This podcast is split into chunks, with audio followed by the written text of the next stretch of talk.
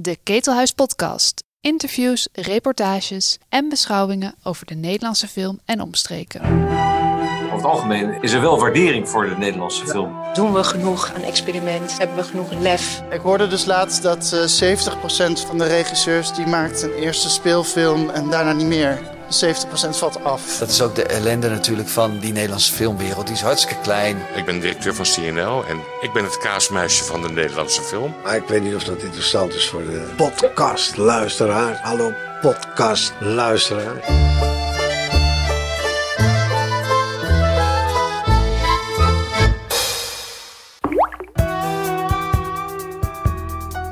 De DAF, de Dutch Academy for Film, organiseert in samenwerking met de NAPA zogeheten animatieconversaties.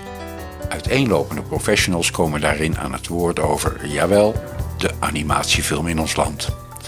In deze aflevering gaan animator Junet Soenderikar en allround kunstenaar Onias Landveld met elkaar in gesprek. Zegt Soenderikar, ik doe wat ik leuk vind en hopelijk vinden andere mensen het ook leuk en betalen ze me ervoor.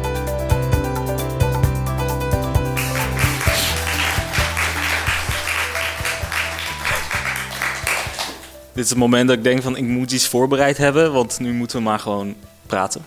Eh, zullen we beginnen met onszelf een beetje voorstellen aan elkaar? Ga, ga, ga je gang. Jij bent de, de jonge veteraan in het vak. Dus Ehm, Oké. Ehm, ja, wat Anna zei, ik ben, eh, ik ben twaalf jaar geleden blijkbaar alweer eh, afgestudeerd aan de HKU. Ehm, ja, lang verhaal kort. Ik, eh, ik, ik, ik, ik was freelancer. Dat heb ik negen maanden gedaan na het afstuderen. Eh, toen ehm, ging een filmpje van mij eh, viral. Ehm, zeg maar, Avengers kwam uit, de eerste Avengers-film. eh, destijds in 2012. En toen dacht ik van, shit, dat is lang geleden. ja, ja mij wat. En toen, ehm, en ik dacht van, eh, ik had toen net een opdracht, eh, opdrachtwerk waar ik echt niet blij mee was. En ik wou gewoon dingen maken wat ik leuk vond. Dus dat ik een filmpje gemaakt over ja, superhelden die op hun bek gaan eigenlijk. Ehm, en dat ging viral, heel erg. En toen ehm, kreeg ik ineens overnight allemaal mailtjes uit eh, Amerika van studio's en weet ik veel wat. En een van die mailtjes was van... Hoi, wij werken voor Stanley. Ehm, wij, eh, wij, wij zijn een YouTube-channel met Stanley aan het maken... en wil jij eh, jouw short als serie doen, zeg maar, voor ons? Ehm, toen heb ik ja gezegd en toen ben ik met eh, een klasgenoot... ben ik toen een studio gestart... Ehm, en dat heb ik zes jaar gedaan. Heb ik zes jaar heb ik een studio gerund met hem. En toen, ja, daarna dacht ik van, weet je wat, eh, ik ga weer lekker freelancen, want ik wil helemaal geen studio runnen. Eh, ehm, ja, en, dat is nu ook alweer, wat is het, vijf jaar? Vijf jaar laatst, ja, ben ik eh, alweer aan het freelancen. En dus zodoende in die tijd heb ik korte films gemaakt. waar ik nog steeds mee bezig ben. En ja, wat Anna zei, veel, veel parodiedingen. Ehm, niet heel veel opdrachtwerk als in uitlegfilmpjes en reclame dingen. Dat doe ik niet echt, omdat ik eigenlijk meteen in dat genre van YouTube-series was gerold. Ehm, ja, dat. Ik, ik heb zo'n idee, als je zegt een, studio, een filmstudio ben ik aan het runnen, dan heb ik zo'n idee van zo'n Hollywood-film dat je dan binnenkomt en je hebt zo'n gelikte pand met Nee. allemaal computers en mensen zijn aan het animeren. Je bent als een soort dictatoriale animator Napoleon aan het rondlopen en dan heb je iets van nee, nee, nee, die scène moet zo en dat moet dit. Maar Ja, eh, veel computers wel. En we hadden op een gegeven moment wel met, ja, veel stagiairs ook. En, en veel. ehm, het lag er een beetje aan welk project we werken. Maar het was inderdaad wel. ehm, ik merkte voor mezelf dat ik op een gegeven moment steeds meer bezig was met, met ehm, mensen opdrachten geven. En niet zozeer zelf. Zeg maar, ik, ik vind het animeren zelf ook leuk, maar ik was op dat moment heel veel bezig met alleen maar keyframes zetten of, of storyboarden. Of ik wou gewoon meer zelf maken, zeg maar. oké. Ehm, en meer mijn eigen dingen ook. En, ehm, meer hands-on. ja, ja, ik en mijn collega hadden gewoon een beetje een andere visie op eh, eh, wat te doen. Dus toen ben ik daar weggegaan en eh, ben ik gewoon weer zelf verder gegaan. En dat, eh, dat, dat is voor mij echt de, de beste keuze ooit geweest, want sindsdien gaat het gewoon prima. Dus, eh, Ehm, zal ik dan maar? Nou ja, dus Onias Landveld, hele vreemde vogel wat, wat, wat, wat deze sector betreft. Ik ben begonnen zeven jaar geleden. Toen ontdekte ik dat ik spoken word artiest was. Um, ik, ik, ik heb dat gedaan voor een jaartje. Toen vroegen ze mij of ik in Tilburg stadsdichter wilde worden. Ik zei, oké, cool, dat is goed, dat wil ik wel doen. Uh, raakte ik heel snel verveeld mee. Maar uh, ik, ik, ik heb begrepen, ik ben een beetje een podiumbeest. En vanuit het stadsdichterschap kwam mijn eerste uh, voorstelling, Wortels en Cassave. Het ging heel over, over identiteit en ontstaan van de naam Landveld. Uh, bestaande uit spoken en gedichten. Um, daar heb ik veel mee gedaan. In Curaçao opgetreden, Suriname, Ghana, Nigeria. En alles ging lekker. Toen kwam opeens dat klein virusje corona. En uh, al mijn opdrachten vielen weg. En toen dacht ik, nou weet je wat, ik heb nog een passieproject. Ik moet eigenlijk een bundel uitgeven. Maar ik vind dat je mij eerder moet horen dan lezen. En ik dacht maar, als ik nou zo'n audiobundel uitgeef, daar heb ik niet echt de mensen voor. Dat vind ik ook niet interessant. Ik ben opgegroeid met Thundercats G.I. Joe. Ik ben een grote Cartoon Network fan. Niet, niet van nu, maar de golden age van Cartoon Network. Voor mij dan. Um, en toen dacht ik van, waarom laat ik deze acht teksten van mij niet animeren? Dus ze, ze passen allemaal bij elkaar, vormen één groot verhaal. Um, en ik heb het mezelf moeilijker gemaakt. Ik heb zes verschillende animatoren gevraagd om de teksten te animeren naar hun eigen inzicht. We hebben wel over gesproken, ik heb wat bijgestuurd. Ik heb verteld wat de gedachten achter de animaties waren. En toen heb ik ervoor gekozen om acht verschillende componisten te vragen, van hip-hop artiesten tot uh, popmuzikanten om uh, de score te maken. Ik heb alles zelf ingesproken. En uh, toen had ik opeens een monster van een project dat ongeveer iets van een ton kostte. En had ik vier maanden om geld bij elkaar te krijgen en het te animeren. Uh, en ik heb geleerd. Ik heb, ik, heb, ik heb heel veel waardering gekregen van animatoren. Um, het hele proces was heel interessant, was hoofdpijn. Ik ga het nooit meer doen op die manier. Never van mijn leven. Uh, ik, er is iets heel moois uitgekomen. Acht verschillende animaties die op zichzelf staan, maar ook in één geheel gezien kunnen worden. We hebben het uh, kunnen versturen naar uh, verschillende festivals. Ik wist ook niet hoe je dat moest doen. Ik had een heel klein distributiebudget opgenomen, volgens mij 750 euro. En ik dacht, ja, daarmee gaan we het doen. Nee, dat, dat is vies tegengevallen. Uh, maar ik heb het wel kunnen, uh, verder kunnen ontwikkelen. Van de animaties, die heb ik versneden tot een nieuwe voorstelling. Kunu draagt dezelfde naam.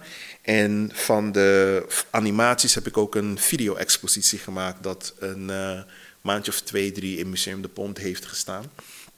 Dus ik, ik probeer mezelf weer steeds te, te, herontwikkelen en nieuwe disciplines te ontdekken en die samen te vormen. En nu met het animatie gebeuren, denk ik van man, de wereld ligt open. Je kan zoveel dingen hiermee doen. Wat, dus, wat was je grootste verrassing toen jij met animatoren werkte van bijvoorbeeld dingen die zij jou vroegen of dat jij zat van, oh daar heb ik niet over nagedacht. Of, of wat als de grootste verrassing kwam uh, als iemand die dat nog niet eerder heeft gedaan, zeg maar. Uh, is dit een verrassing? Ik, ik weet het niet. Ja, of als iemand jou iets vraagt van, uh, ja, geen idee, maar uh, een animatietechnische vraag waarvan nou, jij denkt, waar dit, heb jij dit, het over? Dit is, dit is dus, zijn er voetbalfans hier? Nee? nee. het zijn animatiemensen. Dus. Ik, weet, ik weet nog steeds, er zijn animaties over voetballers en dat soort dingen. Nou, in ieder geval, kijk, laat la, la, me het zo uitleggen. Weet je, wanneer je die, die, de mensen hier ziet, ziet uh, wanneer 22 miljonairs op een veld achter een bal ziet aanrennen. Uh, ze hebben een coach. En meestal de coach, het interessante van de coach is, meestal is die een voetballer die totaal is mislukt. Waarom? Omdat hij, hij heeft moeten leren hoe het spel werkt. Hij heeft letterlijk moeten leren hoe je een bal schopt. De supersterren als Messi en dat soort dingen, die zijn ermee geboren. Als je hun vraagt hoe schop je een bal, ja, gewoon zo. Die kunnen het je ook niet uitleggen. Die zijn meestal de slechtste coaches, want die spelen gewoon op gevoel. Nou, mijn ding is, ik ben geen animator. Als ik een lijn teken, dan wordt het een rondje. Moet ik een rondje tekenen, dan gooi ik het papier weg. Dat, dat lukt totaal niet. Maar waar ik wel goed in was, was de juiste mensen zetten op de juiste plekken. Dus toen ik begon te praten met de animatoren, toen ik, ik ben letterlijk op LinkedIn gaan zoeken naar animatoren, want het was een, een, een project voor people of color, black people. En ik wilde voornamelijk uh, animatoren hebben die vrouw zijn of zich daarmee identificeren, omdat je daar heel weinig van hebt. En ik wilde het project gebruiken als een platform, zodat ze dat in hun portfolio konden zetten. Maar na vijf minuten praten met de animatoren wist ik al van hel is een keyframe? Wat, wat, wat, waar heb je het over? Waarom is het zo duur? En toen wist ik van, ik moet iemand hebben die mijn taal beschrijft en hun taal begrijpt. Dus ik heb er iemand tussen geschoven. En dat werd dus de project leader. Dus ik, ik had niet zoveel. Uh, de, de verrassende vragen die kwamen meer bij haar terecht. Waar ik wel ik ben verbaasd over twee dingen, maar ik weet niet of dat algemeen is of alleen bij mij. Ehm, de dames bleken heel betrouwbaar. Ik had een 50-50 team en daar is maar één man van overgebleven. De rest waren allemaal vrouwelijke animatoren. Hele jonge animatoren die nog uh, op school uh, zaten bij St. Joost. Die hebben prachtige animaties gemaakt. Uh, heel professioneel. Um, maar wat mij het meeste heeft verrast is dat sommige van jullie nog steeds met de hand animeren. En dat ze dat ook echt gewoon. Ze worden er gek van, maar ze hebben iets van: nee, dit is mijn passie, dit is mijn liefde. Ik had alles kort en klein geslagen. Dat ga, dat ga ik niet doen. Ik kreeg een, een, kleine, een, een kleine showreel van drie, vier seconden van bladeren die aan het vallen waren en dartelen in de wind. En ik had iets van: oh, dit is cool. Hoe lang heb je erover gedaan? En ze zei tegen mij: ja, ik heb dit met de hand gedaan, dit duurde mij een week.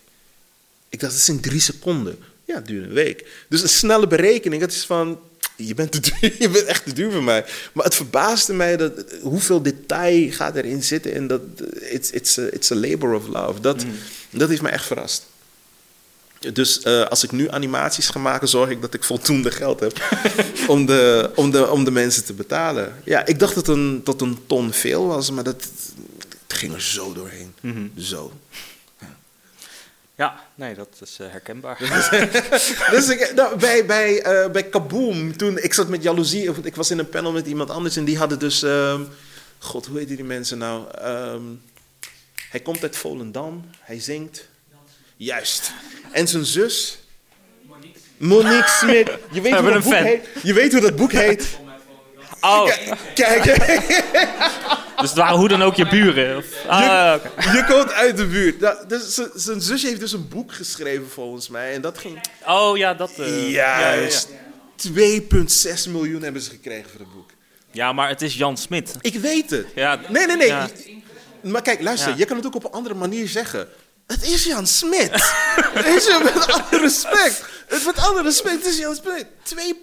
2,6 miljoen. Ja, ja. En dan denk je van, oké, okay, weet je, doe je ding, get your paper, weet je. Maar ik dacht van, ik heb moeten worstelen. En ik denk echt niet dat, en het is geproduceerd door Jan Smit, zijn bedrijf ook, althans die heeft eraan meegewerkt volgens mij.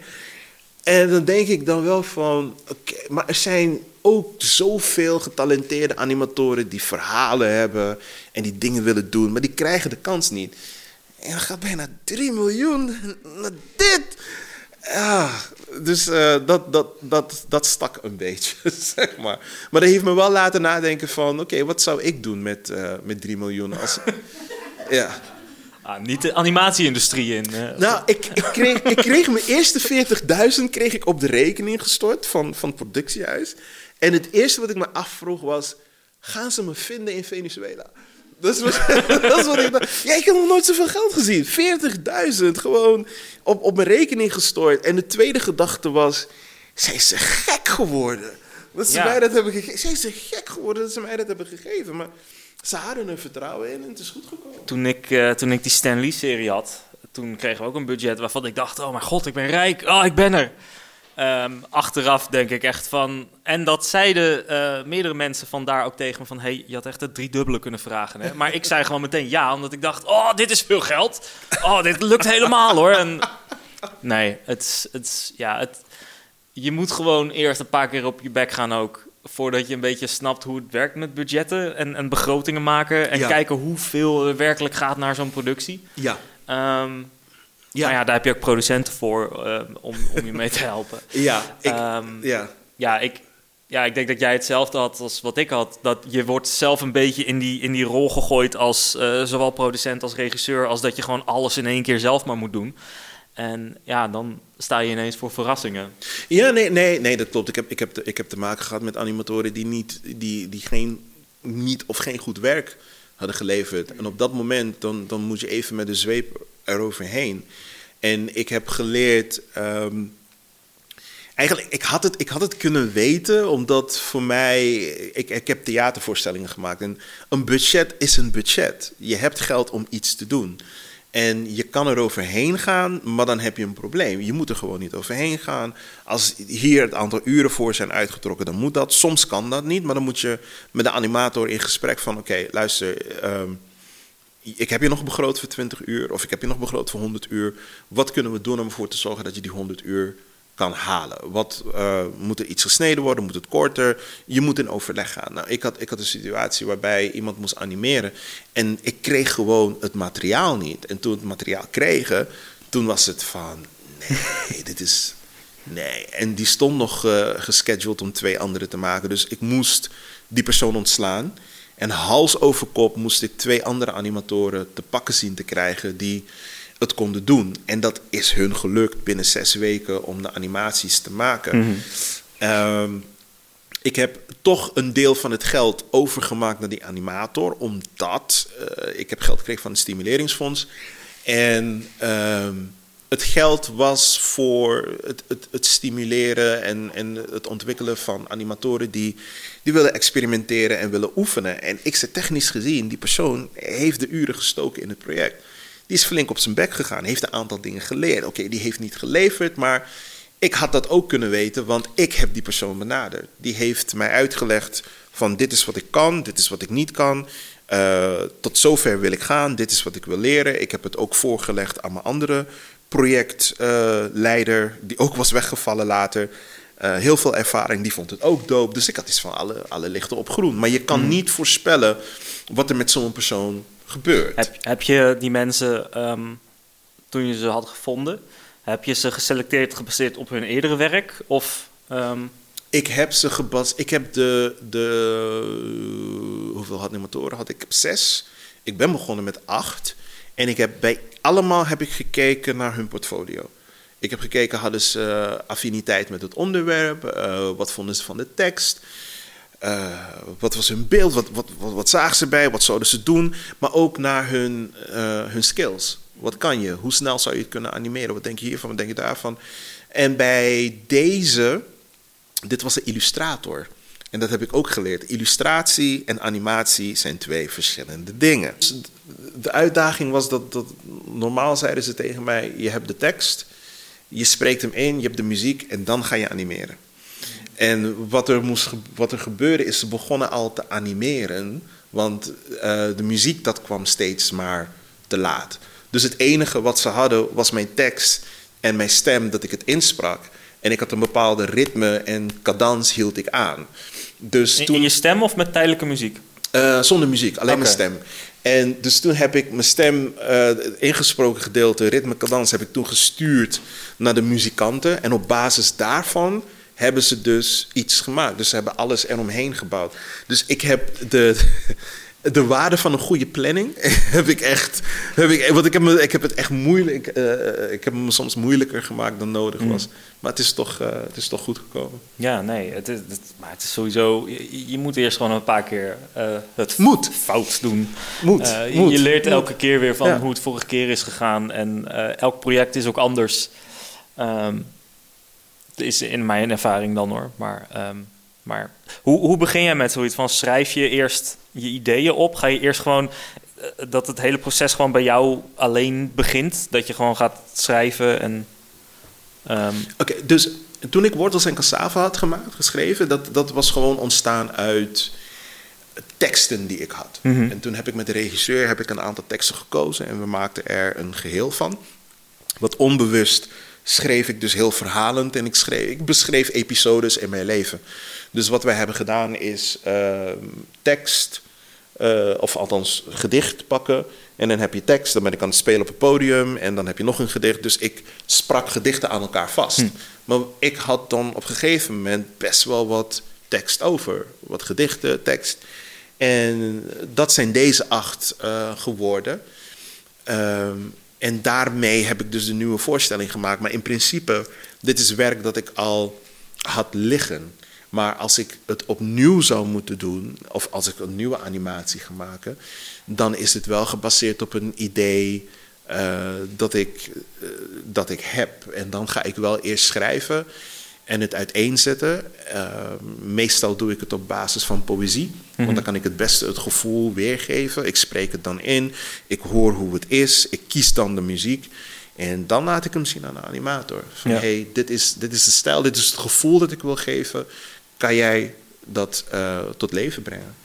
Als, als een animator dan komt met uh, de eerste schetsen of tekeningen van hoe ze zo'n gedicht voor zich zien, is het ook wel eens gebeurd dan dat, dat iemand komt met een tekening dat jij denkt van, ja, dit is niet wat ik wil, of dit is niet, dit is, dit is niet uh, de bedoeling. Um. Uh, alleen bij de illustrator, dat, dat hmm. was de enige, maar bij de rest niet. Wat mij, wat mij eigenlijk ook wel verbaasde, want ik had, ik had echt gedacht dat ik mensen echt zal moeten coachen. En daar was ik best wel bang voor, omdat ik dus geen animatieachtergrond heb. Mm -hmm. uh, het is alsof je muziek wil maken, maar je weet niet hoe de. Je hebt de tonen in je hoofd, maar je kan geen instrument bespelen.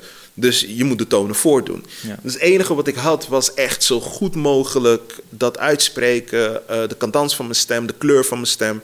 En zij kregen zelf een gevoel erbij. Maar ik heb er ook voor gekozen voor dit project om hun waar mogelijk zo vrij te laten.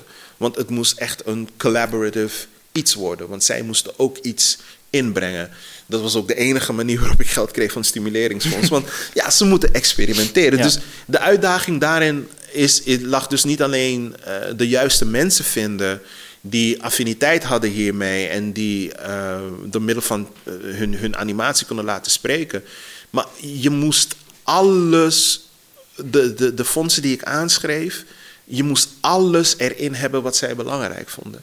Dus het werd echt een dik document. Mm -hmm. Het voordeel was, ik heb het naar VSB kunnen sturen, naar uh, Fonds uh, Podiumkunsten, Stimuleringsfonds en Prins Bernhard Fonds. En ze zeiden allemaal ja. Dus dat, dat, dat is wel de uitdaging. Ja. Maar hoe werf jij geld? Dat wil ik wel weten. um, ja, ik heb vooral, vooral opdrachtwerk gedaan. Uh, de eerste keer dat ik echt een eigen film maakte was uh, Ultrakort. Ben je daar bekend mee? Uh, dat, dat is een, um, van het Filmfonds is dat een, een jaarlijks iets waarbij animatoren zeg maar um, um, een idee kunnen insturen. En het idee is dan dat er een film wordt gemaakt van twee minuten. en die, het is een soort van wedstrijd, want er worden dan vijf of zes uitgekozen. En die krijgen dan een budget uh, om hem te maken. En dan komt hij in de bioscoop voor een grote film. Um, ik, is dit misschien wel een mooi bruggetje naar een van die films? Is dat niet stressvol? Oh, ik vond het geweldig. Maar je, je, moet, je, moet, je moet voorstellen, uh, ik begon met die series voor Stan Lee. Ja, ja, en, ja. Uh, we moesten, we hebben drie seizoenen gemaakt in totaal. En de, de eerste seizoen moesten we uh, elke week een aflevering opleveren van drie minuten of zo. Dat was insane. Um, dit was toen ik nog niet nee durfde te zeggen. um, nu weet je wel beter. Ja, ja, ja. nee, maar uh, seizoen 2 was het weer. Pas bij seizoen 3 denk ik van ja, nu hebben we een goede workflow. En toen, um, toen stop, stopte het uh, YouTube-channel ermee. Dus toen ging het niet meer verder. maar met die ultrakorts, dat was dus de eerste keer dat ik dus een budget kreeg. En toen hadden we, je hebt daar vijf maanden voor, geloof ik. En als je, als je normaal gewend bent om content in een week te maken, zat ik van, oh, vijf maanden, oh, geweldig. Um, dus dat vond ik heel fijn. En ik denk dat van alle projecten die ik heb gedaan, qua films, is dit, betaalde films, is dit het project waar alles op tijd afging en alles goed ging, geloof ik. Dat we nog op tijd klaar waren uh, ermee. Um, hoe, kom, hoe komt dat? Was het gewoon ervaring dat je dan hebt opgedaan? Of? Ja, en ik had een heel Oké, okay, um, die ultrakorts zijn dus twee minuten. En ik heb, uh, ik heb deze film geschreven met uh, een vriend van me. Die is, um, uh, die is comedian en schrijver voor Lubach en zo. Dus die, die is ook gewend om grappige dingen te schrijven. En um, het idee dat we hadden was... laten we Lord of the Rings doen in twee minuten. Dus laten we zo'n verhaal doen. Zo. En laten we het een punt maken ervan dat het, dat het snel, snel, snel moet en zo. Ja. Um, en dat is deze film geworden. Dat is, uh, Roll the tape. Uh, kort, kort maar krachtig.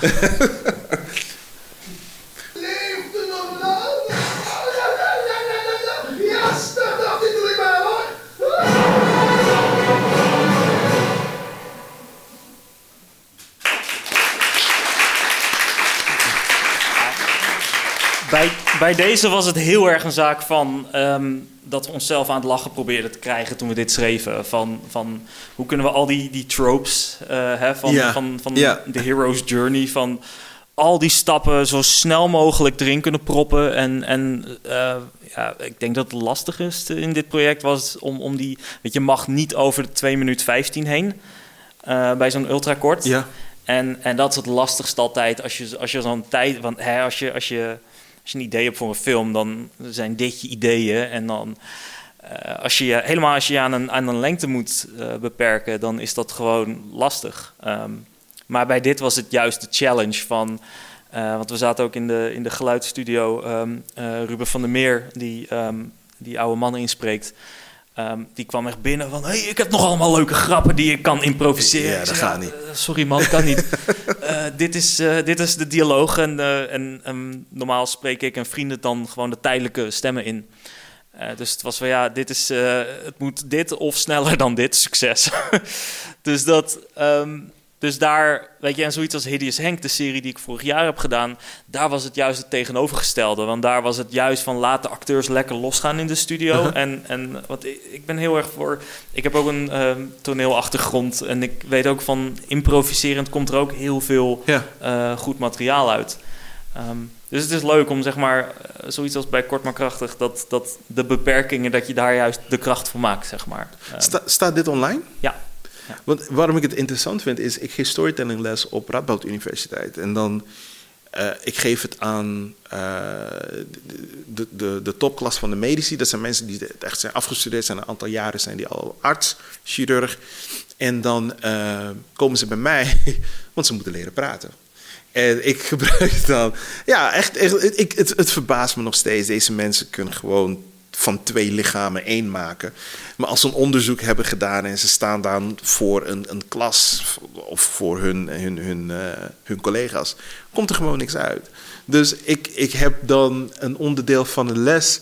ehm, is dan de, eh net was de Hero's Journey. eh, ehm, eh, dus eh, eh, God Jezus, hoe heet ze nou? Je hebt de Hero's Journey, je hebt, eh, ik noem het altijd Going to, to Hell and Back. En je, hebt vers- je hebt verschillende verhaalstijlen heb je dan.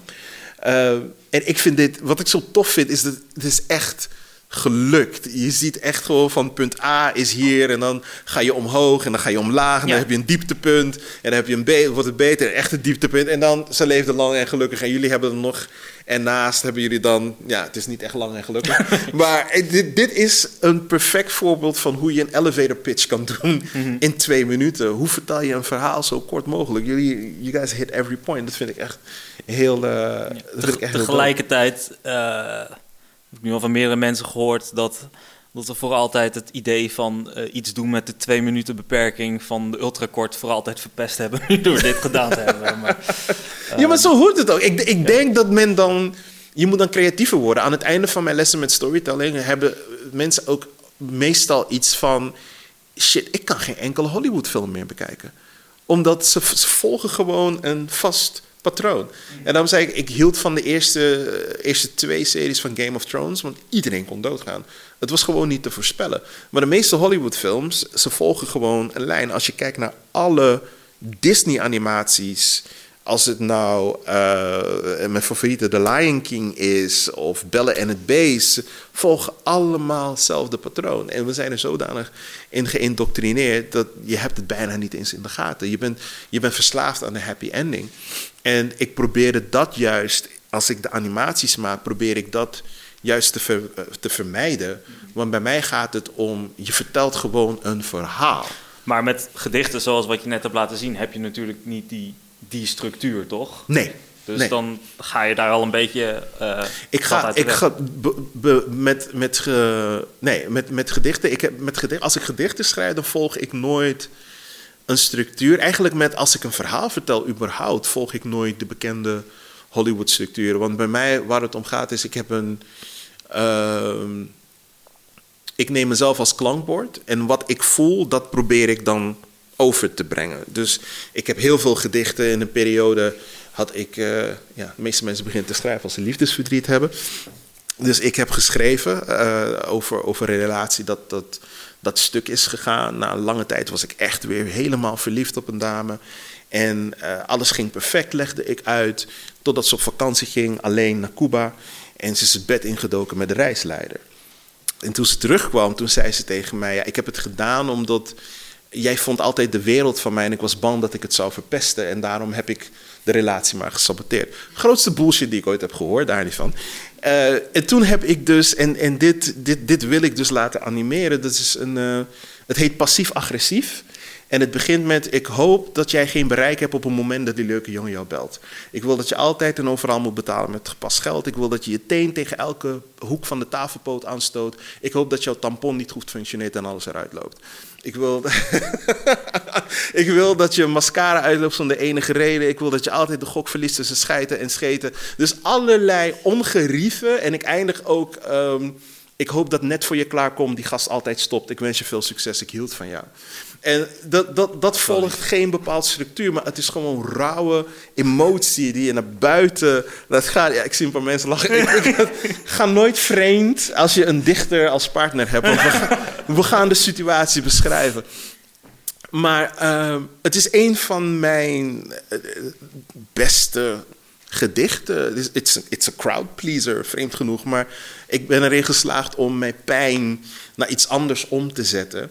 En ik wil dit ook best wel visualiseren. Want ik denk, ieder die uh, een partner heeft gehad en, en die is vreemd gegaan, begrijpt de woede. Maar je kan de persoon niet van elf hoog naar beneden gooien. Dus ja, je wenst um, de vervelendste ongerieven wens je dan toe. En toevallig, dit was dan een meisje. Weet je, en dan, dan, dan heb ik het op die manier ingepakt.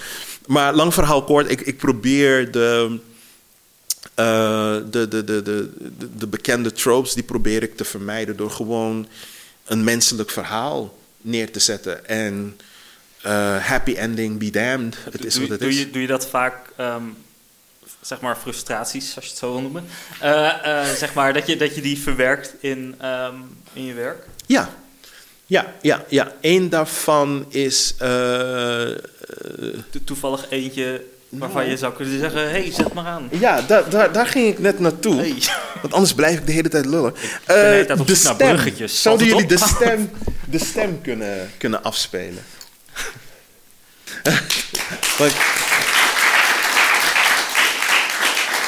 Ja, nou, sprekend over frustratie. Heel veel mensen die deze animatie zien denken van... oh, dit gaat over slavernij.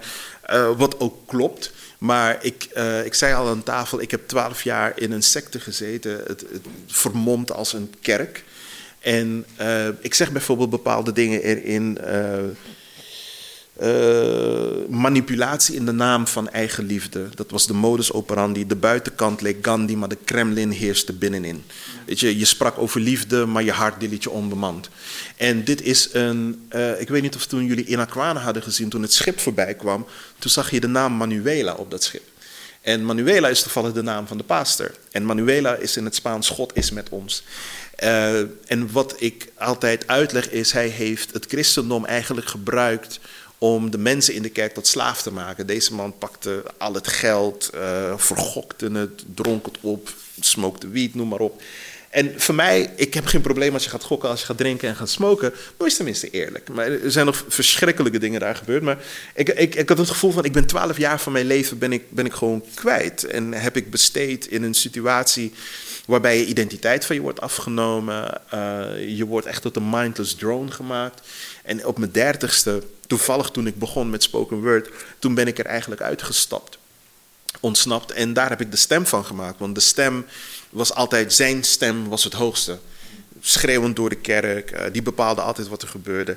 En dit is een soort van revenge dat ik heb.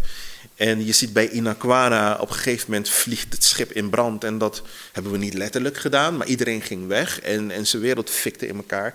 Hij zit nu met een enkelband thuis in België trouwens. Uh, karma is geweldig, jongen. Hoe moet ik hier overheen gaan? Ik kan toch... Ja, nee, maar, daar heb ik dus, eh, heb ik dus een stem. En, en heel metaforisch, je ziet mij eh, wegzwemmend naar een, een, een nieuwe toekomst toe.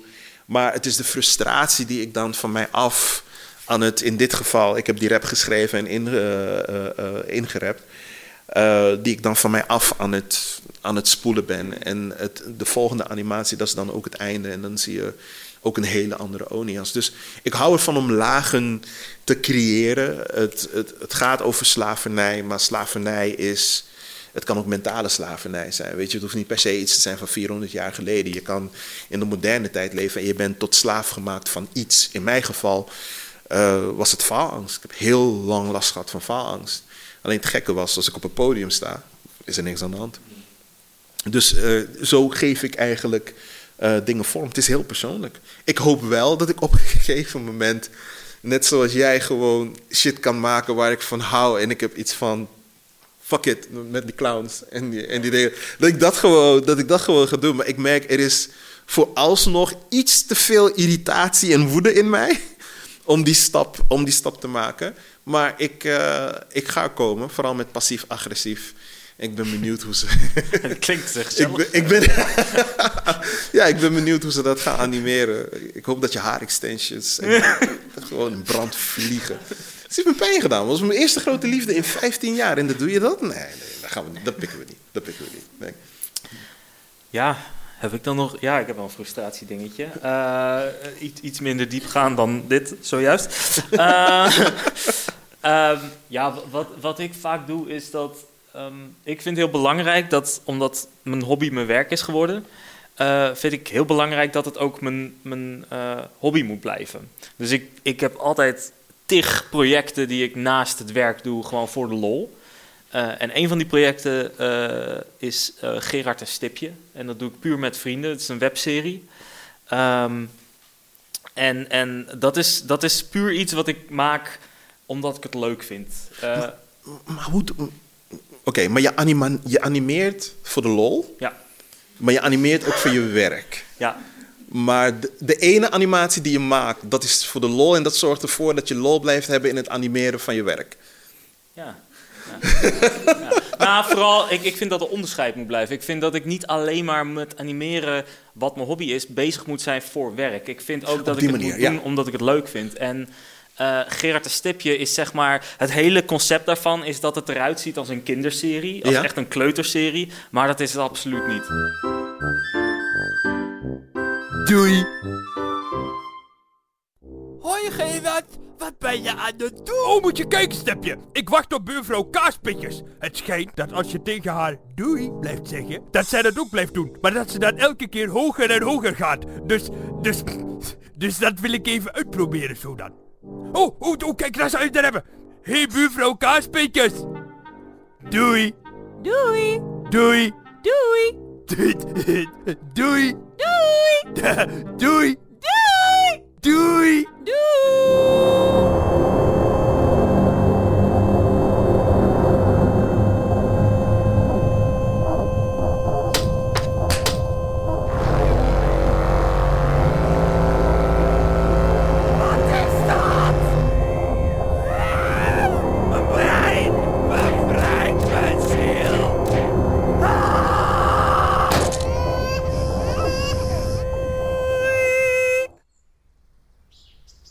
die komt vast uit Nijmegen, zeker.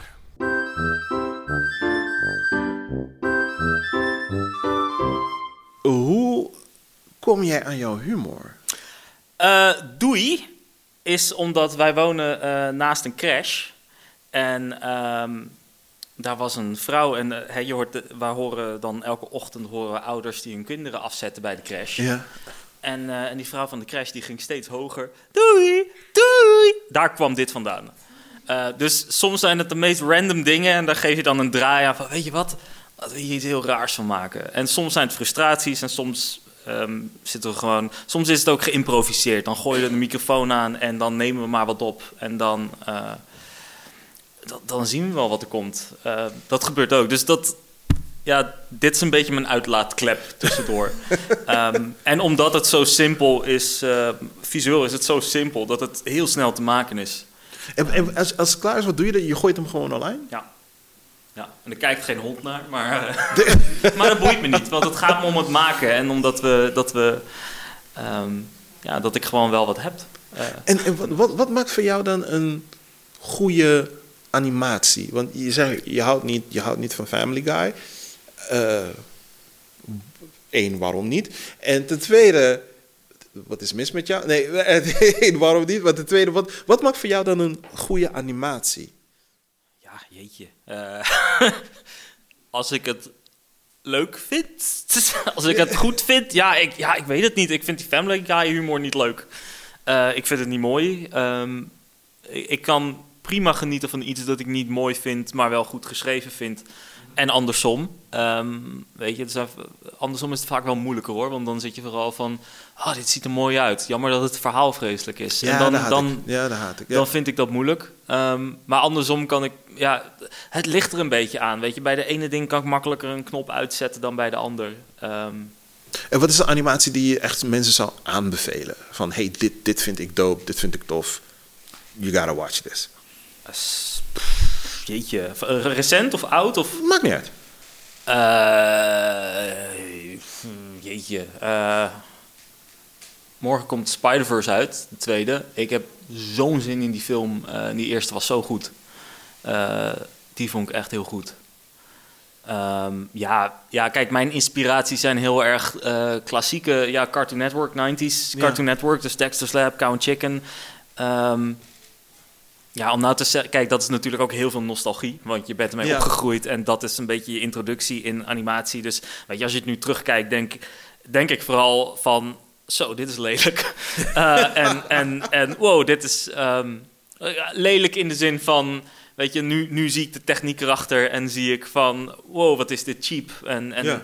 ehm, maar tegelijkertijd vind ik het alsnog super knap van ehm, wat, wat ze daar hebben neergezet. Eh, hetzelfde met ehm, de, de, de, de oude Looney Tunes cartoons. Die, die vind ik gewoon qua, qua timing en, en humor en, en eh, physical comedy gewoon echt heel goed. Eh, dat, dat zijn wel echt grote inspiraties voor me. En ik ehm, ben heel erg met games opgegroeid. Point-and-click adventure games, 2D. Eh, Monkey Island, als dat je wat zegt. Dat, dat is echt mijn main inspiratie eh, geweest. Mijn, mijn Eh, ding was. Mortal Kombat. Dat was, dat, dat, dat, dat, dat was het voor mij als kind. En Dus verwerk je dat in je, in je nieuwe... Ik, ik heb geen aversie tegen, tegen gore. Ik, ik zat heel erg in Doro Hedoro. Eh ik, ik heb een haat-liefde verhouding met, met, met, met, met anime's en manga's en dat soort dingen. Want dan krijg je eindelijk een goede anime en dan komt er geen, gewoon geen seizoen 2, weet je.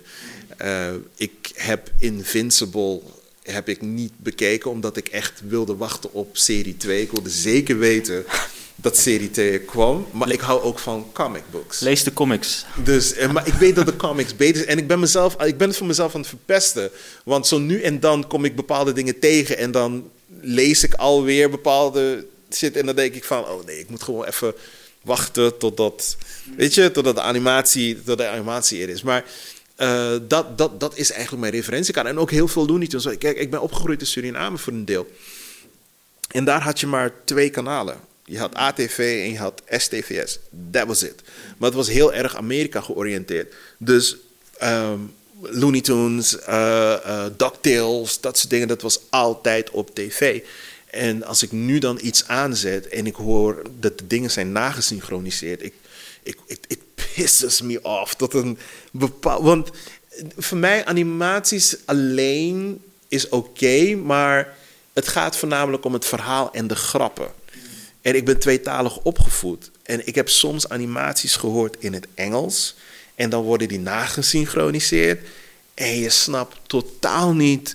Je hebt iets van, hé, maar dit is niet wat hij zegt. Dit is niet wat, wat, wat hij bedoelt. Je haalt eigenlijk de ziel van de animator haal je eruit, van het verhaal. Ik heb ook eruit. Engels geleerd door Cartoon Network toen het nog niet nagesynchroniseerd of Exact. ondertiteld was. Exact. En ik, ik, voor mij, er ging zo'n wereld open. Want op een gegeven moment merkte ik van... Oké, wacht even. Er is dus ook dit soort humor. Er is ironie, er is satire, er is dit, er is dat.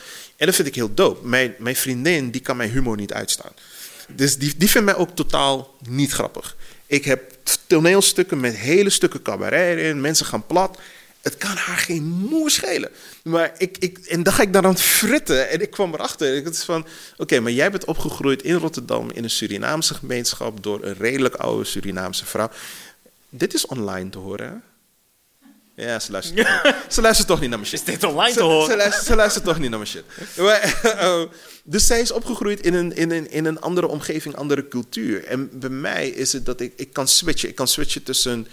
Ik hou er niet van om dat te zeggen, maar tussen tegen, de zwarte humor... Weet je, gewoon door, wat Surinamers grappig vinden. Maar dan heb je mensen van de eilanden die vinden dat ook grappig. En dan heb je mensen van de black culture die vinden dat grappig. En als ik in Tilburg ben, die zouden dat niet begrijpen, want cultureel is er gewoon geen connectie. Bijvoorbeeld, eh, wat je net had van Stipje en. Uh, die nou? Gerard. Ge- ja? Dingen en Stipje? Gerard en Stipje. Gerard en Ja. Dat, dat, dat je zei van, oh, ze komt waarschijnlijk uit Nijmegen. Ik vind dat hilarisch. Maar mijn broers, die zouden dat niet begrijpen. Die zeiden, ja, maar wat is er nou zo grappig aan? Weet je? Die hebben meer andere dingen. Is meer fysieke comedy, is meer leedvermaak. Dat, dat is meer hun ding. Dus dat, dat vind ik dan wel, als ik dan animaties ga maken, dan moet ik echt opletten. Wie is mijn doelgroep? Mijn volgende theaterstuk, ik heb met opzet heb ik een witte regisseur cabaretier gepakt om mij te helpen. Omdat de grappen die ik maak, het is niet gericht aan een Surinaams of per se black audience. Het is meer mijn ervaring als zwart persoon in Tilburg. Weet je, dus dat is heel specifiek.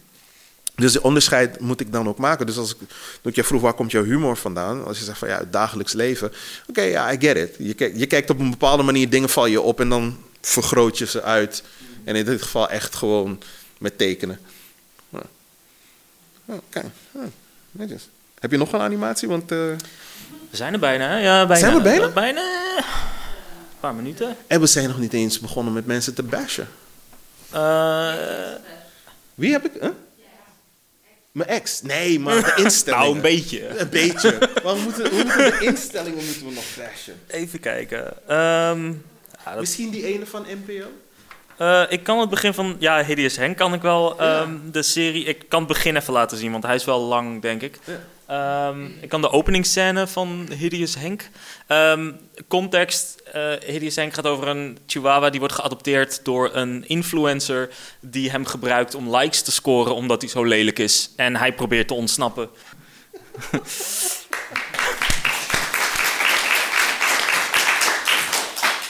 Ehm, Is deze nog te zien? ja, alles staat op YouTube. Alles, eh, de hele serie staat. eh, het is in totaal een uur, iets minder dan een uur. Het zijn vijf afleveringen. Ehm, al- nog meer afleveringen? Eh, Van, van wie is dat afhankelijk? Ik, ben- ik, ben, ik ben je een beetje... ja, ja, eh, ja ehm, we hebben niks gehoord vanuit de NPO. En ehm, dat vonden we allemaal best wel raar dat we niks hebben gehoord. Dus eh, ja, ik, heb, ik vind wel goed dat het klaar is. Als, als ze meer willen, dan horen we het wel. En zo niet, ik, ik vermaak me wel met andere dingen. Dus we hebben ideeën, dat sowieso. Eh, maar hij is nu net, deze aflevering is geselecteerd voor ehm, eh, het Annecy Animatiefestival over twee weken. Ehm, en dat is de grootste, dus dat is, dat de eerste waar hij is op, op is geselecteerd. Dus wie weet wat het nu gaat doen, want nu gaat het eh, festivalcircuit een beetje beginnen. Ehm, ja, ik zie het wel. Ik ben, ik ben er niet actief mee bezig. Ehm, Maar als ze, als ze ook met een aanbod komen, dan ga je dat gewoon accepteren? Of heb je echt iets van... Oh, ik heb zeker eisen. ja. Ja. ja, nee, kijk, het was gewoon, het was een jaar lang. ehm, ik heb nooit een serie op deze schaal gemaakt, want het waren dan in totaal zes afleveringen van 10 minuten. En al vrij snel kwamen we erachter van, oké, dit, dit, dit gaan we niet halen. De deadline gaan we niet halen. Dus we hebben toen ehm, ja, we hebben twee keer uitstel aan moeten vragen. Ehm, en we hebben één aflevering moeten schrappen. eh, zodat het haalbaar was. En ehm, ja, weet je, uiteindelijk... eh, ik ben super trots op wat we hebben gemaakt. Maar uiteindelijk was eh, de NTR vergeten om de promotie ook nog eens te doen. Dus dat, ja, dat is gewoon heel zuur. Als je dan ehm, ja, meer dan een jaar, drie jaar in totaal denk ik... met alles, alle aanvragen en het wachten erbij alles geeft in zo'n project. En dan wordt het zo ontvangen, of tenminste, er wordt er zo op gereageerd vanuit de NPO. Ja, dan ja, heb ik er zelf ook niet zo'n zin meer in. Dan, hè, dan, dan, ik doe dit werk nu twaalf jaar en ehm, dit is de eerste keer dat ik echt een eigen originele ding voor tv maak. Eh, en dat loopt dan zo af. En dan heb ik heel erg het gevoel van, ja, weet je, laat me zitten. Ik red me wel met de andere dingen. En dat vind ik ook leuker. En ehm, ja. Maar is, is tv nog steeds wel het beste medium om jouw animaties op te laten zien? Ja, ik denk het niet. Sowieso was dit niet op tv, maar op eh, YouTube-kanaal van tv. dus dit is nooit op tv gekomen ook. Kijk, kijk mijn, mijn ding is, ik heb altijd moeten opboksen. Weet je, toen ik, toen ik dichter was, toen zeiden ze van ja, eh, je bent geen klassieke dichter. Toen ik eh, theater ging maken, was het maar ja, je hebt geen theateropleiding. toen ik mijn productiehuis ben ik ook gestart omdat ik nergens aansluiting aan vond. En ik heb altijd iets gehad van, weet je wat, fuck it, dan doe ik het wel zelf. En ik ben een paar keer in contact gekomen met de publieke omroep.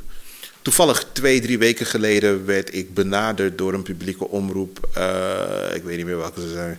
En die, die, die wilde iets gaan filmen voor Kitty Kotti en slavernij. En ik kreeg zo'n cryptisch uh, LinkedIn berichtje van... hey, wij gaan uh, iets filmen in Suriname over de helden van slavernij. En ja, we willen graag met jou daarover praten. En het was zo geframed dat je dacht van... oh, misschien willen ze dat ik mee ga naar Suriname om iets te doen, weet je... En het was van nee, we gaan dit doen, maar dus we typten de namen in van de helden. En die hebben toevallig dezelfde achternaam als jij. Weet jij daar iets meer over? En die wisten niet dat je, wat je deed überhaupt. Nee, wisten niet wat ik deed. En mijn heel profiel staat op LinkedIn. Is en toevallig, die mensen zijn wel mijn voorouders, dus de directe lijn. Dus wat ik toen had is van, nou, weet je, ik heb iemand die je moet bellen. Toevallig heet hij ook Landveld en, en bel hem. En die weet daar meer over. En dat was mijn vader. Dus ik gaf hun het nummer, bel direct mijn vader. Ik zei van, luister, paar, gaan een paar mensen jou bellen. Van de Nederlandse omroep. Hij zit in Suriname, ze willen dit, dit, dit hebben. Doe en vraag Nederlandse prijzen. Want ze komen naar Suriname. En dat is dus wat ik heb gedaan. En ik weet niet of, of, ze, of ze daarmee verder zijn gegaan. Maar dat is wel hun manier van, van werken, heb ik gemerkt. Weet je, elke keer als ik met hun in contact kom, of het nou is omdat ik op de radio ben geweest, of dat ik iets promoot, dan is het of van nee, we hebben al zoiets. En dat bedoelen ze. We hebben al een persoon van kleur, weet je, maakt niet uit waarmee je komt. We hebben al zo iemand op tv. Of ja, maar we begrijpen niet wat je aan het maken bent. Want ik, ik, ik werd een keertje, had ik een mailtje gestuurd en ik kreeg per ongeluk de e-mail chain kreeg ik terug die ze aan het doorsturen waren naar elkaar. Ik heb die nog steeds. Ik heb die uitgeprint. Ik ga hem framen. En er stond letterlijk in: Ja, ik zie het eigenlijk niet. Zie jij het wel? En toen, kreeg, toen stuurde ik een mail terug en ik zeg: uh, Zouden jullie kunnen zeggen wat tussen aanhalingstekens het is? Want ik kan ook code switchen, misschien heb ik het wel. Weet je, wat is het precies? Ik heb geen antwoord gekregen. Ik wacht nog steeds. Maar dat is dan dus wat jij vertelt van hoe ze met jou zijn omgesprongen. Ik denk van, ja, nee man. Ah, dat, is, dat is ook mooi aan, aan uh, Hideous Henk. Toen wij de eerste scripts en zo indienden, toen kwamen ze ook van, er moet iets meer diversiteit in. En wij zaten ook van, ja, mee eens, maar we moeten even kijken hoe en wat. Uh, en toen kwamen zij met dat. zij kwamen toen met. Uh, dit personage, uh, kan die niet donker zijn? Um, elk karakter dat ze noemen was de bad guy. Dus zij stelde voor om elke bad guy donker te maken. Dus wij zaten van: ik snap wat jullie bedoelen, maar dit is niet de manier. Ja. dit, dit is. En daar waren ze niet eens mee bezig. Het was puur van, oké, als je het doet, doe het dan wel oprecht en ja, goed. En is, denk er iets langer dan twee tellen over na misschien. Het is, het is meer, iemand zei tegen mij, het is echt incompetentie. Ik ben nu bezig met ook toevallig iets over slavernij, over stolen art. Weet je, dat uit Suriname is geroofd. En er was, uh, er, er was iets dat was geroofd en ze zeiden gewoon van dit is genomen uit dat dorp, die persoon heeft zich verzet. En het hele gedoe was van we weten niet waar uit welk dorp het vandaan komt, niet precies. En uh, de geschiedenis is verdwenen, noem maar op, bla bla bla. Dus, maar wat er gebeurde is, de, de mensen zijn onzichtbaar gemaakt eigenlijk. Nou, ik heb eraan meegewerkt. En toen ik terugkreeg wat ze in het persbericht opschreven, ze hadden iedereen benoemd behalve ik. Mm. En ik was degene die op camera kwam. Ze hebben ja. mij interviewd. Ik ben met hun naar Berlijn gegaan. Ik, we hebben in een museum gefilmd. Ik, de hele documentaire gaat om mij. Mm -hmm. En ze hebben mijn naam niet genoemd. En ik ja, zei van, maar jij maakt mij dan nog een keer onzichtbaar. En dat, dat merk ik bij andere instanties met publiek geld. Uh, mijn leven heeft een soort tunnelvisie. En Mhm. in jouw geval is het, ik denk, die mensen weten niks van animatie. maar die beheren wel het geld. Andere mensen weten niks over tv-series, maar ze beheren wel het geld. En ik denk dat dat, dat, dat moet veranderen. Ja. ja. Dat vind ik een vrolijke noot om over te gaan naar de vragen. Toch? Ja. Ik kijk naar de klok. Nee, ik voelde het aan. Eh, Nee, ik kijk naar de klok. Ik dacht al op de minuut. Dank jullie wel voor dit prachtige gesprek tot dusver. Zijn er vragen? Ehm, nou, er staat heel mooi dat woord doorzettingsvermogen in het midden. Eh, dus ik vroeg me af, hebben jullie allebei... eh, volgens mij hebben jullie namelijk allebei heel veel doorzettingsvermogen. Maar zijn er een aantal momenten in je leven geweest... waarbij je dat even niet had en echt bij de pakken neerzat en dacht... Wat? Qua, qua werk bedoel je, Ja, gok qua ik. werk. Ja, ja. ja, ja. Persoonlijk als je daar behoefte aan hebt. Maar ja, ja, ja, qua werk. Dat je niet wist welke kant je op moest of dacht... zit er nog wel een toekomst voor mij in, in deze sector? Ehm, ik denk daarom dat het voor mij persoonlijk belangrijk is dat ik, dat ik veel doe. Ehm, dat ik veel ernaast blijf doen. Dat ik veel verschillende dingen probeer te doen. Ehm, ja, dat, dat is het een beetje. Het, ik, heb, ik heb maar twee keer gehad, toen ik, dat was beide keren in de studio, eh, dat er een half jaar of zo geen werk binnenkwam. Maar ja, ik, weet je, ik, ik, heb, ik heb vroeger ik heb jaren in winkels gewerkt in, in, en zo. En dat wil ik nooit meer.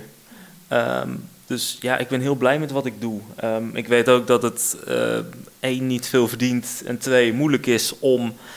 Hè, het, is, het is constant jezelf blijven netwerken, jezelf blijven promoten. Om eh, ehm, ja, het is heel gek dat ik het tegen jou zeg, maar ja, dat je, eh, dat, dat je ja, ik weet niet. Ik, ik, heb, ik heb nooit echt getwijfeld dat ik ineens dacht van nu ga ik wat anders doen. Ik heb altijd wel geha- gehad van, weet je, ik, doe wat ik leuk vind. En ehm, hopelijk vinden andere mensen het ook leuk en betalen ze me ervoor. dus. Eh, ik, ik heb dat wel een aantal keer gehad. En dat heeft voornamelijk met onzekerheid te maken. Zoals ik zei, ik heb geen diploma. Ik heb eigenlijk een, ik heb een propeduis technisch bedrijfskunde. Ik heb twee jaar internationaal economie en financiën gedaan op de UvT. Maar eh, technisch gezien heb ik een HAVO-diploma. En dat is scary in deze day and age. Dus het enige wat mij helpt is mijn grote bek. En ik heb wel...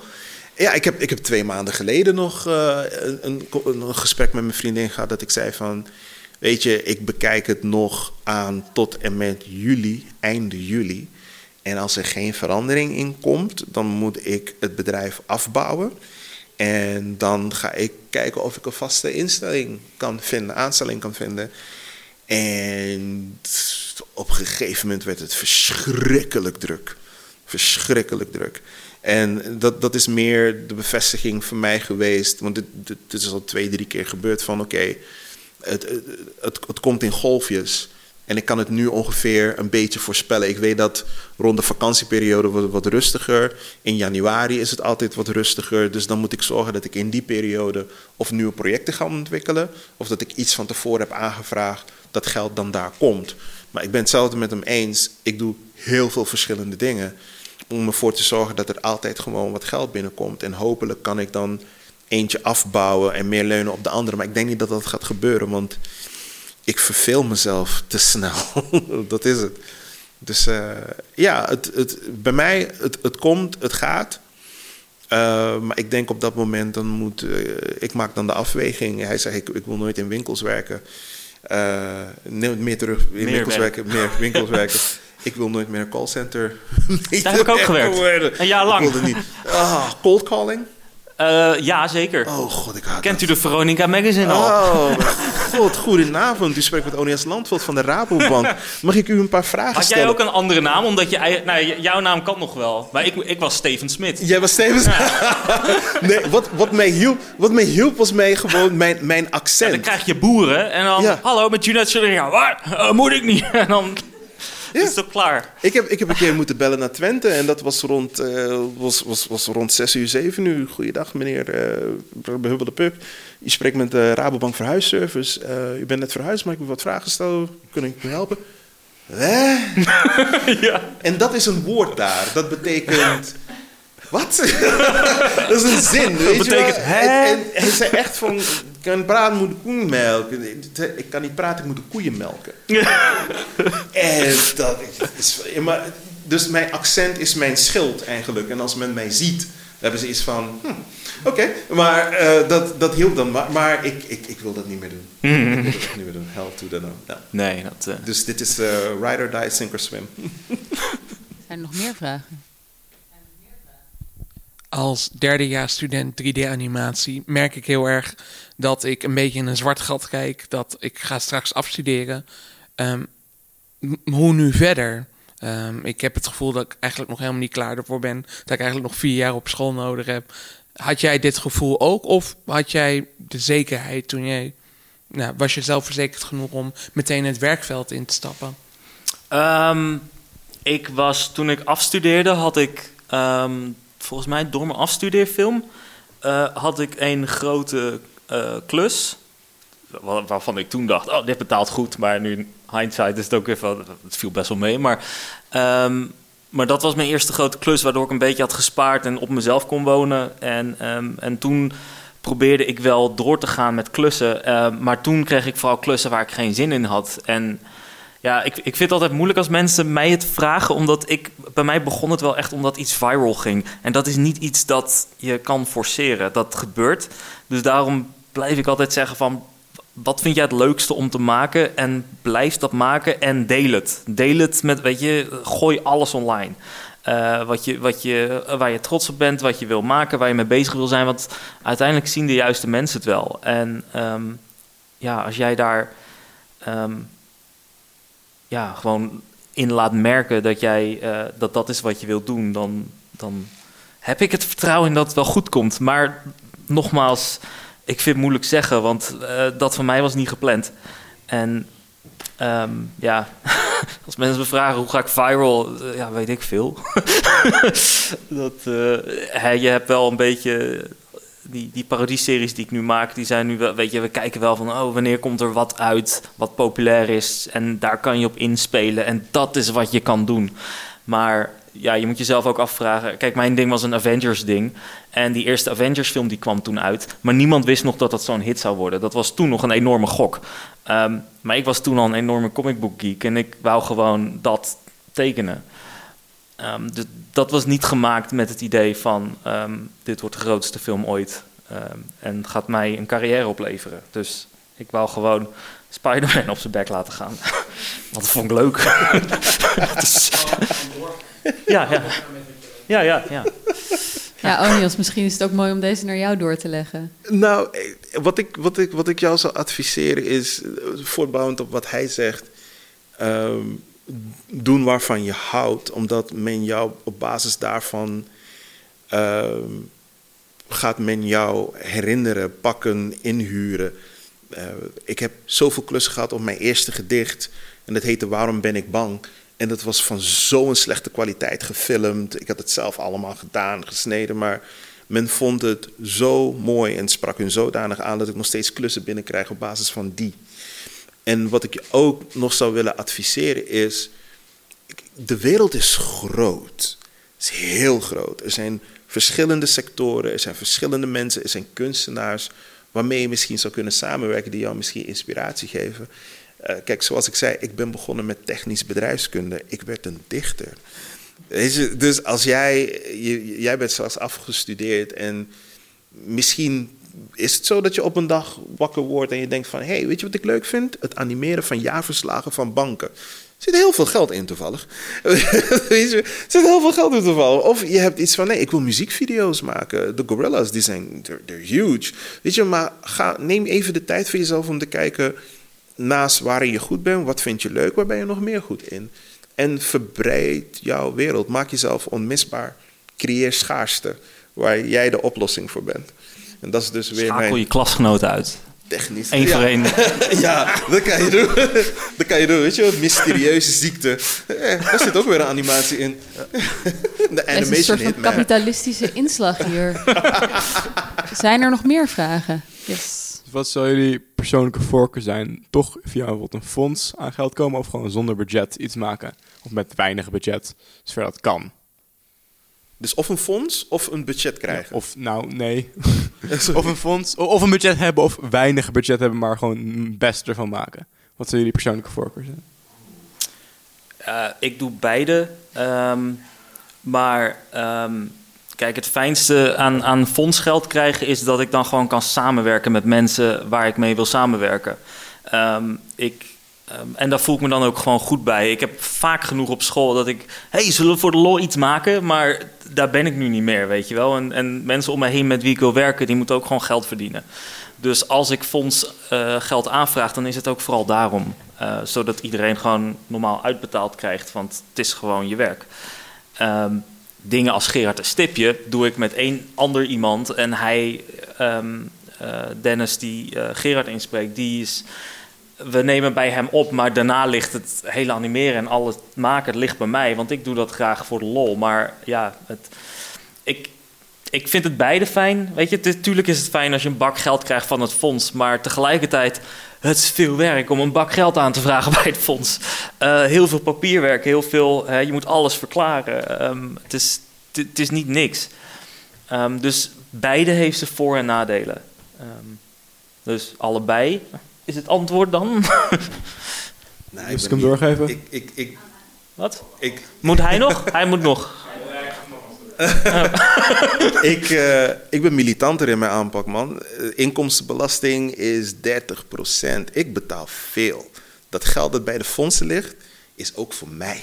Dus ik ga, ik ga ervoor. En eh, ik, ik begrijp wat je zegt van het is een bakwerk om geld bij elkaar te krijgen. Dus wat ik nu doe is bij de aanvraag eh, budgetteer ik dat ik een fondsenwerver heb. En dan laat ik hem dat doen. En ik budgetteer dat er een eh, begroting is en dat moet bijgehouden worden. En daar huur ik iemand anders daarvoor in.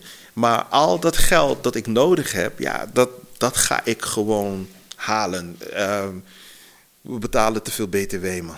We betalen op alles BTW, inkomstenbelasting. Ik heb een BV, ik betaal vennootschapsbelasting, loonbelasting, BTW betaal ik. Nou, ik ga dat geld halen. Ja, ja, ja. Nee, Dat ik- is- ik- helemaal mee eens. dat is- Dat- nee, ik ga dat het is niet dat ik, ik al mijn geld weggeef. Nee, dat, dat ik, ga, sowieso. ik, ga, Dat- ik, ga, ik, ik ga dat geld halen. Maar ik, ik denk. ehm, ik, ik denk je moet een afweging maken van hoeveel geld kan je krijgen, wat is de moeite waard. Weet je, bij het stimuleringsfonds ze zeggen bijvoorbeeld we hebben 450.000 voor deze regeling, maar je kan maar 20.000 eigenlijk aanvragen, want ga je 30, 40.000 aanvragen, dan worden ze heel erg precies. En dan heb je kans dat je het niet krijgt. Dus ga ik zoveel tijd daarin steken? Eh, weet ik niet. Er zijn Europese subsidies. Kijk, dat is meer werk, maar again, je hebt bedrijven die dat kunnen doen en dan, dan reken je dat mee. En dan, ik denk dat ik dan wel kom met 2,6 miljoen om een animatie te maken over mijn vreemdgaande ex. Dus, ja, dus, dus die, die afweging maak ik dan eigenlijk. Ingezongen Ja. door Jan Smit. Oh, dat zou mooi zijn. En dan over jouw achtergrond, maar dan ingezongen door Jan Smit. Dat lijkt me ja, pas gepast. Dat, dat, eh, ja. Ja, ik had een beetje een vergelijkende vraag. Ik ben namelijk met hun hier. Ehm, eh, zij zijn, we zijn, eh, zij zijn eh, filmmakers, jonge filmmakers. Ik ben zelf regisseur, maar ik heb een autismecentrum opgericht... waar ik jongeren die dus niet naar school kunnen... uiteindelijk talentontwikkeling doen. En mijn vraag is zeg maar... denk je dat je met YouTube... Met, met, is dat een platform waardoor mensen die dus niet van de kunstacademie komen... wel een soort bekendheid kunnen krijgen? Of een soort... Levert dat Gerard en Stipje jou bijvoorbeeld wel dingen op of klussen? Of waardoor je denkt van, ja, ik geld niet, maar waardoor je denkt van, hé, hey, dit is ook een platform waar je, eh, nou ja, gewoon een andere entry hebt dan als je via de Filmacademie of de HKU komt. Eh, nee, maar ik, eh, waar ik nu mijn geld vooral mee verdien, zijn wel YouTube-filmpjes. Ehm, met een vriend van me, eh Cas van der Pol, als iemand die kent. Eh, hij, ja, hij heeft zo'n publiek opgebouwd via YouTube dat dat zeg maar zijn inkomen is. En ik werk nu met hem daar vooral naar samen. En ja, het is, het is wel lastig hoor, moet ik zeggen. Want ik krijg heel vaak de vraag: waarom begin jij niet je eigen YouTube-kanaal om daar geld mee te verdienen? Ehm, ja, ik, ik vind het zelf persoonlijk een te grote gok. Want eh, die algoritmes en de regels van YouTube veranderen constant. Ehm, waardoor ik het gewoon ja, te gevaarlijk, te risicovol vind. Maar het kan wel. Het is, ja, het is... Kijk, als ik mijn serie waarmee ik viral ging... als ik dat zelf had als YouTube-kanaal had begonnen... had ik waarschijnlijk veel meer eraan overgehouden. Ehm, maar ja, dat kan ik achteraf zeggen. Ehm, dus ja, het kan wel, maar het is, het is wel... Ja, je, je moet iets maken wat, wat aanslaat. En dat hetzelfde als viral gaan, dat kan je niet helemaal forceren of zo, eh, denk ik. Nou, ik heb, ik heb jou gevraagd van hoe kom je aan jouw netwerk? En, en jij zei ook wel van, je gaat naar plekken toe en je gaat geen kaartjes uitdelen, maar je gaat met mensen in gesprek. Ja.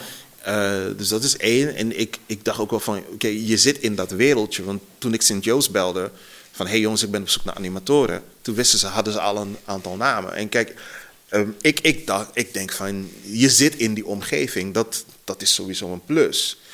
Um, maar het is ook hoe je ermee omgaat, denk ik. Want er zijn ook andere mensen die in, de, in dezelfde omgeving zitten als jij. En die hebben minder succes, want zij halen misschien niet het beste eruit. Of die gaan er anders mee om.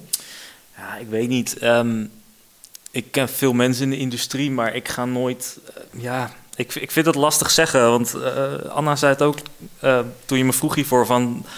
Um, jij kent zoveel mensen. Maar ik zit van ja, maar ik, ik ga nooit naar. Ik ben nooit naar festivals toegegaan van. met het idee van: hé, hey, laten we samenwerken. Of hé, hey, hier is mijn kaartje, hier is dit, hier is dat. Ja, ik weet niet. Het, het, het is een beetje ja, sociaal zijn, denk ik. ik weet het niet wat het is. Um, maar je werk spreekt ook voor zich. Weet ja, je? tuurlijk, men, tuurlijk. Men, men, onthoudt jou. Kijk, je, je moet gewoon... Maar dat, dat komt weer terug op blijf dingen maken en het delen.